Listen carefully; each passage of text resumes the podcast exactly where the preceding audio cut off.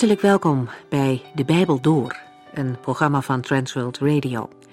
De Bijbel Door is een radioserie die u in vijf jaar meeneemt door de hele Bijbel. Van Genesis 1 tot Openbaring 22.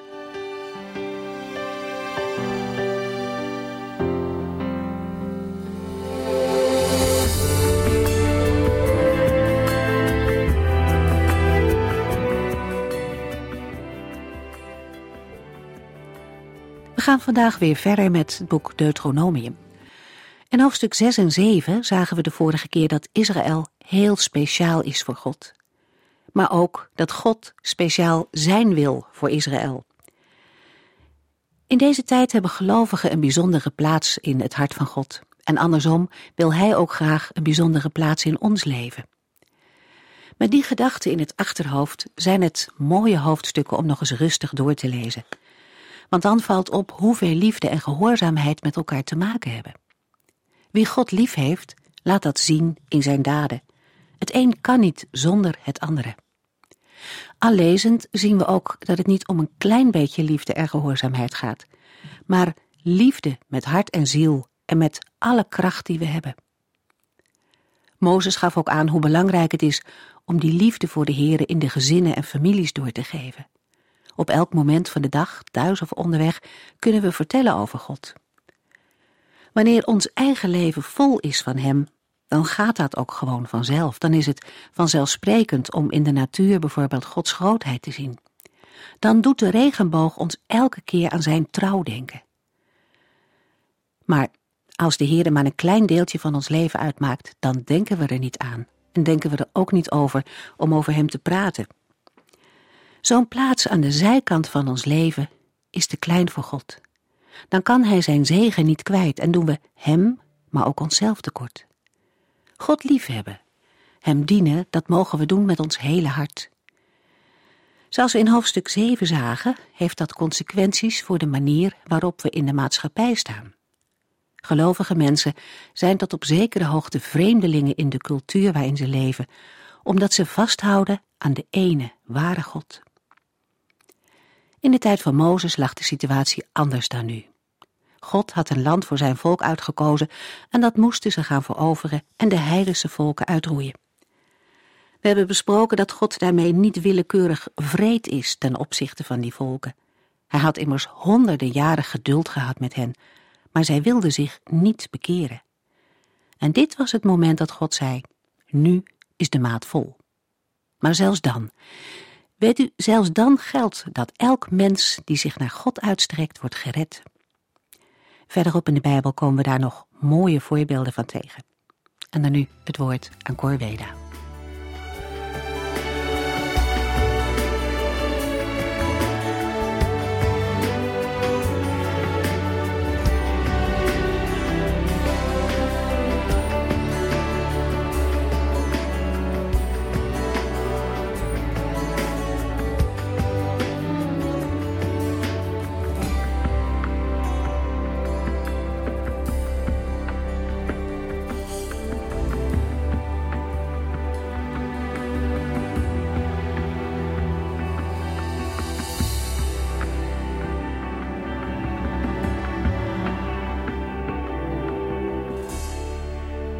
In Deuteronomium 8 is Mozes nog steeds bezig het voorschrift uit het begin van Deuteronomium 6 uit te werken.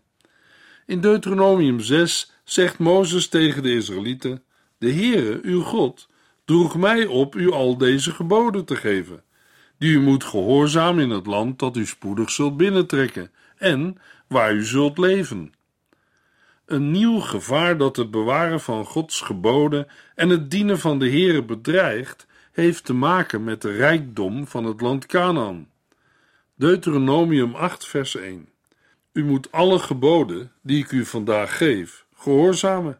Als u dat doet, zult u niet alleen leven, maar u ook vermenigvuldigen en het land dat de Heer uw vaders beloofde binnentrekken en veroveren alle geboden houdt in de tien geboden die zijn genoemd in Deuteronomium 5, maar ook alle uitwerkingen, de verordeningen en inzettingen die erbij horen. Mozes legt dit gebod vandaag op, al heeft hij de inhoud al eerder bekendgemaakt.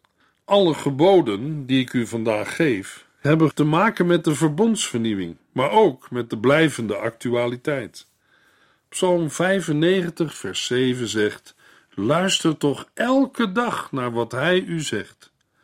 Van Israël wordt het luisteren naar de Heere verwacht. Dat wil zeggen, het onderhouden en gehoorzamen van Gods geboden. Niet alleen theoretisch, maar ook in de praktijk. Dat zal leven als gevolg hebben en de rijkdom van veel kinderen. Het volk Israël zal het beloofde land binnentrekken en het blijvend in bezit mogen nemen, omdat de Heere dat gezworen heeft aan Abraham, Isaac en Jacob. Toch zal uit vers 19 en 20 blijken dat het blijvende bezit van het land afhankelijk is van Israëls gehoorzaamheid. Deuteronomium 8, vers 2. Herinnert u zich hoe de Heer u veertig jaar lang door de woestijn leidde? Hij maakte u nederig en stelde u op de proef om te zien hoe u zou reageren en of u hem werkelijk zou gehoorzamen. Bij monden van Mozes herinnert de Heer hen aan het verleden. Zij moeten inzien dat de Heere zich toen met hen bemoeide en hen testte en trainde. De Heere wil dat ook wij zijn zorgen en bemoeienis in het verleden niet zullen vergeten. Paulus zegt in Filippenzen 1 vers 6 Ik ben er zeker van dat God op de grote dag van Jezus Christus het goede werk dat hij onder u begonnen is, zal voltooien. Israël moest leren niet te vergeten dat de Heere hen geleid en gezegend had. En dat moeten wij vandaag ook leren. Als we eerlijk zijn, moeten we toegeven dat we de zegeningen van de Heere zomaar weer vergeten zijn. Moeilijke dingen blijven vaak als klittenband aan ons kleven en versluieren de zegeningen die God iedere dag weer geeft. Tel uw zegeningen, één voor één. Herinnering aan Gods grote daden in ons leven bemoedigen en geven hoop en zekerheid voor de toekomst. Waarom testte de Heere Israël in de woestijn? Het antwoord lazen we in vers 2. Om te zien hoe u zou reageren en of u hem werkelijk zou gehoorzamen. Ook vandaag wil de Heere dat van zijn kinderen weten. Goed om vandaag eens over na te denken.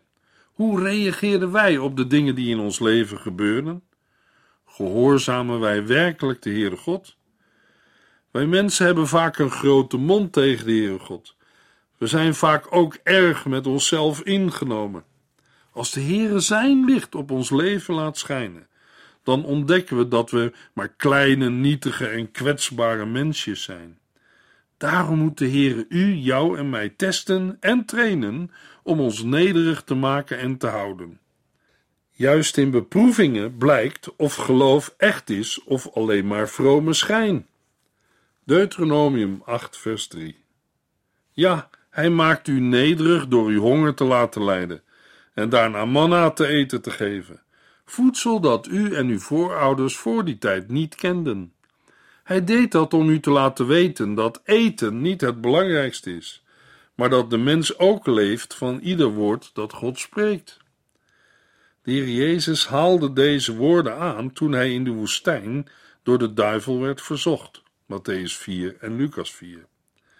Wanneer de Heer Jezus deze verzen niet had aangehaald, zouden wij deze belangrijke geestelijke les waarschijnlijk niet hebben geleerd. De Heere wijst erop wat het belangrijkste is voor een mens. De Heer is goed voor mij geweest en voor u. Hij heeft op vele manieren gezegend, ook met materiële zaken. Zeker, ik heb meer dan eens gedacht dat we niet rond konden komen, maar het is nog nooit gebeurd. De belangrijkste les is steeds dat de Heer op zijn tijd geeft wat nodig is. Die wetenschap is een geestelijke weldaad waarvoor wij de Heer mogen loven en prijzen. Luisteraar, laten we de tijd nemen om de Heer te danken voor zijn weldaden van deze dag. Psalm 103, vers 1 en 2. Met hart en ziel wil ik de Heere prijzen en zijn heilige naam loven. Mijn ziel, prijs de Heere en vergeet vooral nooit wat Hij allemaal voor goeds heeft gedaan. Lees vandaag op een goed moment Psalm 103 maar een keer door. U vindt er meer dan genoeg dingen om God te danken. Mozes gaat verder en noemt de zegeningen voor Israël. Deuteronomium 8, vers 4. Al die jaren zijn uw kleren niet versleten en uw voeten niet gewond of opgezwollen. Vindt u dat geen wonder? Het gaat dwars tegen onze ervaring in. Stel u voor dat u kleren draagt die niet slijten. Natuurlijk zijn er ook mensen die dat helemaal niet leuk vinden, want dan is regelmatig nieuwe kleren kopen niet meer nodig. Als je kleren niet slijten, zie je er elke dag splinternieuw uit. Een ander punt, wat voor sommige mensen vandaag erg belangrijk is: als je kleren 40 jaar niet slijten, ga je die tijd ook niet met de mode mee. Maar dat maakt in de woestijn niet zoveel uit, en in die tijd waren de mensen blij dat ze kleren hadden. We hebben ook gelezen: al die jaren zijn uw voeten niet gewond of opgezwollen. Veel zendelingen vertellen vaak over het dagelijkse leven van de mensen waar zij tussen leven en werken. Vaak hoor je dan dat de mensen, als er genoeg eten is, iedere dag hetzelfde eten. Door het vaak eenzijdige voedsel en tekort aan vitamine kunnen er allerlei ziektes uitbreken. Een van de gevolgen daarvan zijn vaak opgezwollen voeten. Maar bij Israël gebeurde dat niet. Zij kregen van de Heere alle voedingsstoffen die ze nodig hadden. U weet wat ze al die veertig jaren hebben gegeten. Precies, het was manna. De Heere voedde hen met manna en zorgde voor zijn volk. Het gaf hen alles wat hun lichamen nodig hadden. Het woord van God is voor de gelovigen geestelijk voedsel voor elke dag. Het is net als het manna wonderlijk voedsel. Het geeft alles wat de mens nodig heeft voor een gezond geestelijk leven. De Heere belooft langdurige zegeningen als het volk hem blijft dienen en gehoorzamen. Dit gebeurt door in de wegen van de Heere te wandelen en ontzag voor hem te hebben. Vers 6. Zo brengt Mozes het volk bij dat het belangrijk is alleen op God te vertrouwen. De ervaring leert dat dit een moeilijke les is. Dat was het toen, maar dat is het vandaag nog steeds. Een mens moet werken voor zijn of haar noodzakelijke levensbehoeften. Maar uiteindelijk schenkt God wat daarvoor nodig is. Wanneer er een periode van beproeving komt, die ook tot opvoeding kan zijn, volgens Jacobus 1, vers 12, dan wordt onze zelfstandigheid en het wij kunnen het zelf wel ondermijnd. Dan moeten ook wij opnieuw leren dat ons bestaan, zowel lichamelijk als geestelijk, alleen kan rusten op de levende God. Deuteronomium 8, vers 5 tot en met 9. Daarom moet u begrijpen dat net zoals een vader zijn zoon straft, de Heere u straft om u te helpen. Gehoorzaam de wetten van de Heere uw God, volg zijn weg en heb ontzag voor hem. Want de Heere uw God brengt u naar een goed land met beken, bronnen en meren in heuvels en dalen. Het is een land van tarwe en gerst, van wijnstokken, vijgenbomen en granaatappels, olijven en honing. Het is een land met voldoende voedsel, waar u niets tekort zult komen. Het is een land waar ijzer net zo gewoon is als steen en waar de bergen vol zitten met koper. De oproep van vers 5 wordt gemotiveerd door een beschrijving van het goede en mooie land dat de Heere gaat geven. Het land bevat waterrijke beken, waddies die vaak water bevatten, bronnen en diepe stromen, zowel in de dalen als op de bergen. Naar onze begrippen is Canaan relatief arm aan water, maar het is daaraan toch veel rijker dan Egypte en de woestijn. Israël maakt als volk een enorme overgang mee. Het water, een van de eerste levensbehoeften, is volop aanwezig in het beloofde land. Het is ook een land met een grote rijkdom aan land- en tuinbouwproducten. Het wordt symbolisch samengevat in zeven voorbeelden: tarwe, gerst, wijnstokken, vijgenbomen, granaatappelen, olierijke olijfbomen en honing. De rijkdom aan agrarische producten van het beloofde land komt ook naar voren in de kalender van Gezer. De kalender werd in 1908 gevonden en is geschreven op een tablet van kalksteen. De tekst dateert vermoedelijk uit de 10e eeuw voor Christus. Dat is de tijd kort na Salomo. De tekst van het tablet luidt: twee maanden olijven inzamelen, twee maanden graan zaaien, twee maanden laat zaaisel planten, één maand vlas snijden, één maand gerstenoogst, één maand oogsten en feest vieren, twee maanden druiven snoeien, één maand zomervrucht. In dit land van overvloed hoeven de Israëlieten niet in armoede hun brood te eten en zullen zij nergens gebrek aan hebben. De voorziening van het manna houdt straks op, Jozua 5 vers 12. De Heer laat in het beloofde land zijn zorg zien en blijken in gewas en arbeid. Vanuit de natuur voorziet de Heer in al hun behoeften, maar dat geeft ook verzoeking. Rijkdom en welvaart is voor een mens één grote verzoeking om te gaan roemen in eigen kunnen en op eigen bezit, in plaats van in God. Vers 9 vermeldt dat het beloofde land ijzerhoudend gesteente bevat en dat uit de bergen koper kan worden gehouwen. Er wordt wel eens gedacht dat een gelovige vandaag ook in wereldlijke dingen voorspoedig zal zijn. Dat kan, maar dat hoeft niet. Ook vandaag belooft de Heere voor zijn kinderen te zorgen. Maar daarbij legt de Heere vaak een andere maatstaf aan dan wij mensen mogelijk graag zouden willen.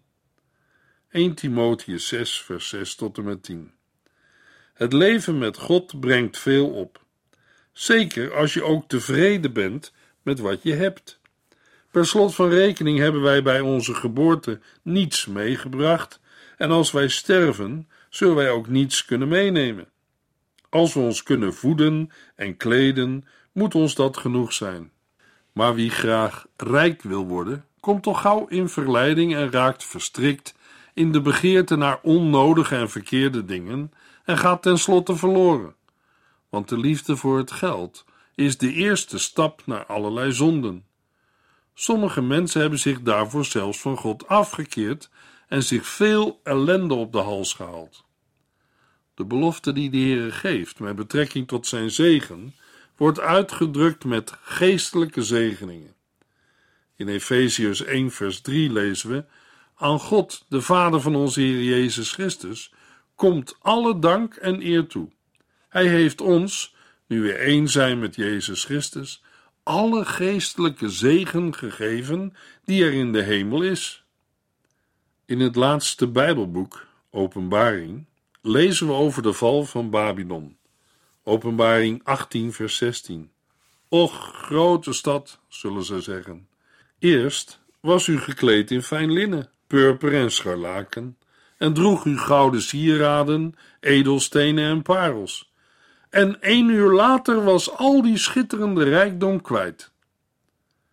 De rijkdom van Babel is in één uur verdwenen.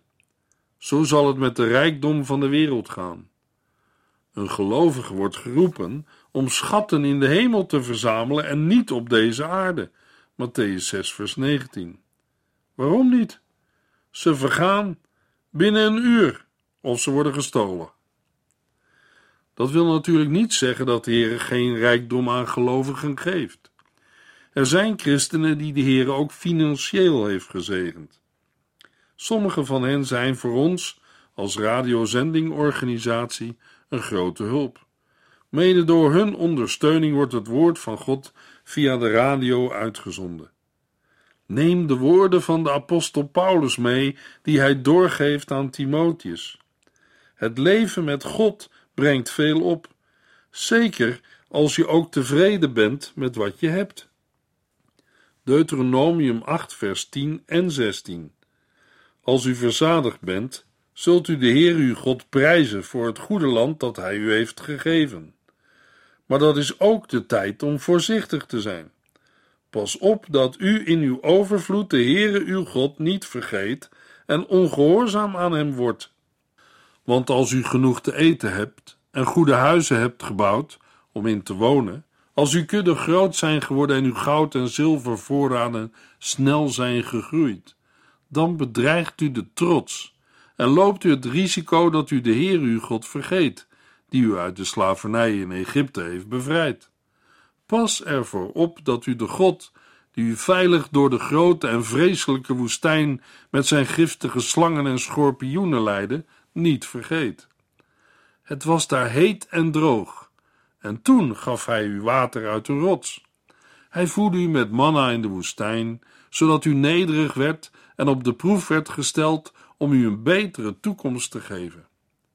Wanneer het volk Israël in het beloofde land is gekomen en daar voorspoed mag hebben, dan is dat omdat de Heer hen heeft gezegend en zij hebben geluisterd naar zijn woord. Als de voorspoed verdwijnt, dan moet Israël zich grondig onderzoeken op het punt van de gehoorzaamheid aan de Heere God. De Bijbel laat ons zien dat Israël uit het beloofde land is verdreven en in ballingschap is weggevoerd. Zelfs kwam het zover dat in 70 na Christus Jeruzalem en de tempel werden verwoest en het volk over de hele wereld werd verstrooid. Maar de Heere brengt in onze dagen zijn volk weer terug naar het beloofde land. Zacharia 10 vers 9 Al heb ik hen als zaad uitgestrooid onder vreemde volken, ook in die verre streken zullen zij aan mij denken, en met al hun kinderen zullen zij weer terugkomen naar Israël. Mozes onderwijst het volk verder over het waarom van het op de proef stellen. Deuteronomium 8, vers 17 tot en met 20.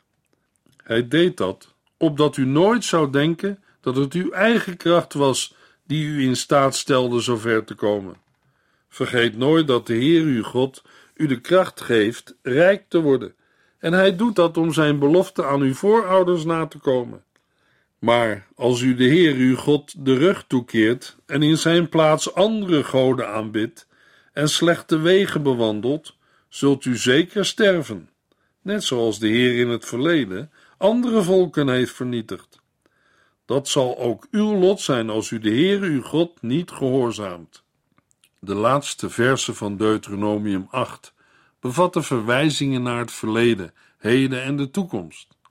Alles behoort uit te lopen op afhankelijkheid van de Heere God en op de eer van zijn naam, op de lofprijzing Soli Deo Gloria. Maar wanneer de Israëlieten ondanks alles toch de Heere vergeten en achter andere goden aan gaan lopen, dan zegt Mozes met klem dat ze zullen omkomen, zoals de inwoners van Canaan. Ze zullen omkomen omdat zij niet wilden luisteren naar de stem van de Heer hun God. Terwijl de woestijnreis hen juist dat duidelijk wilde maken.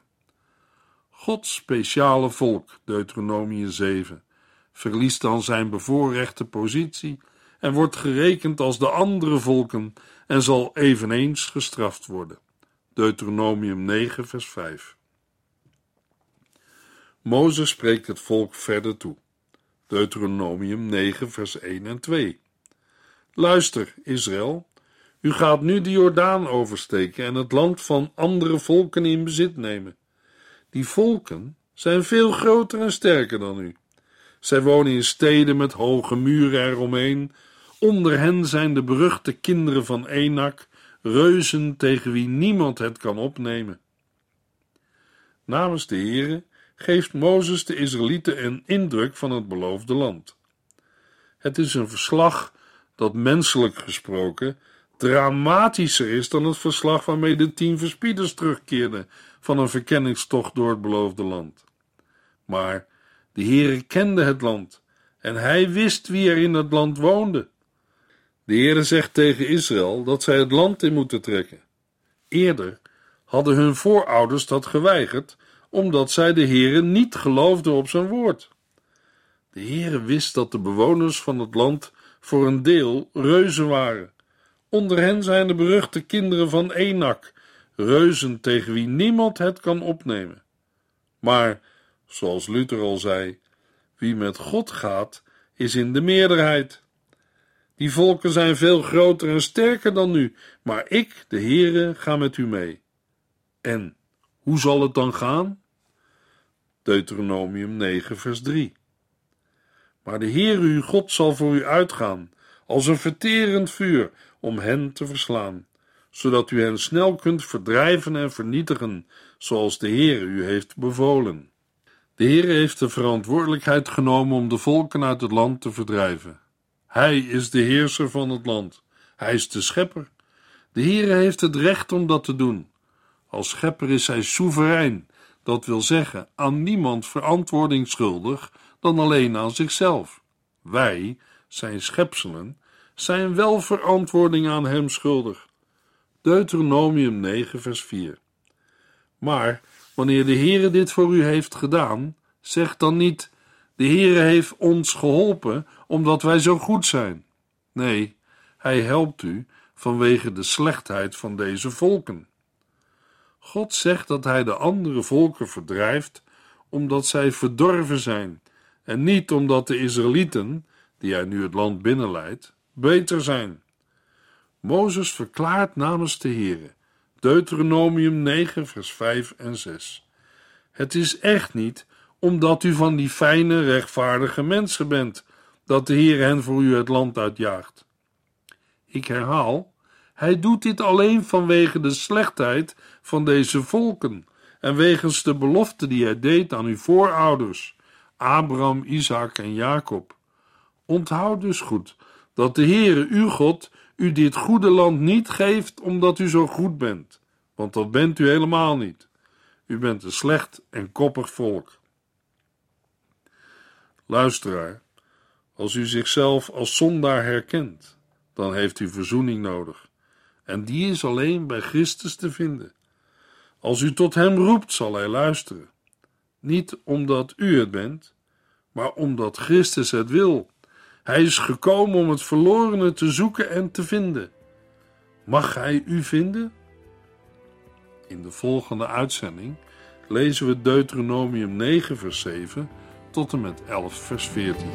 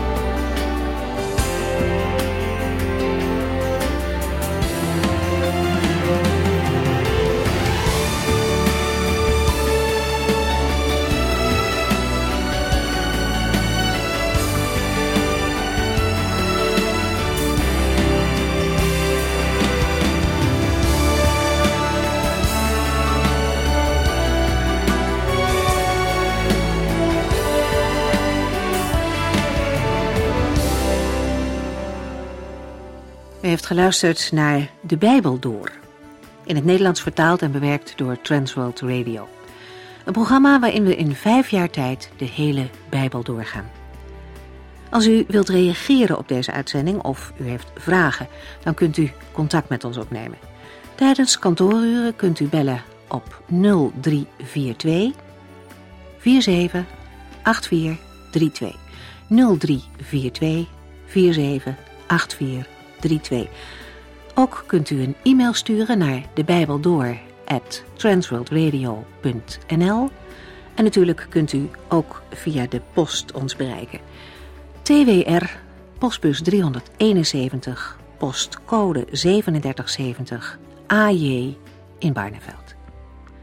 Dit programma werd gepresenteerd door Cor Weda en Ike André. Techniek was in handen van Odin van Woerdekom. En wij allemaal bedanken u voor het luisteren. Graag tot de volgende keer.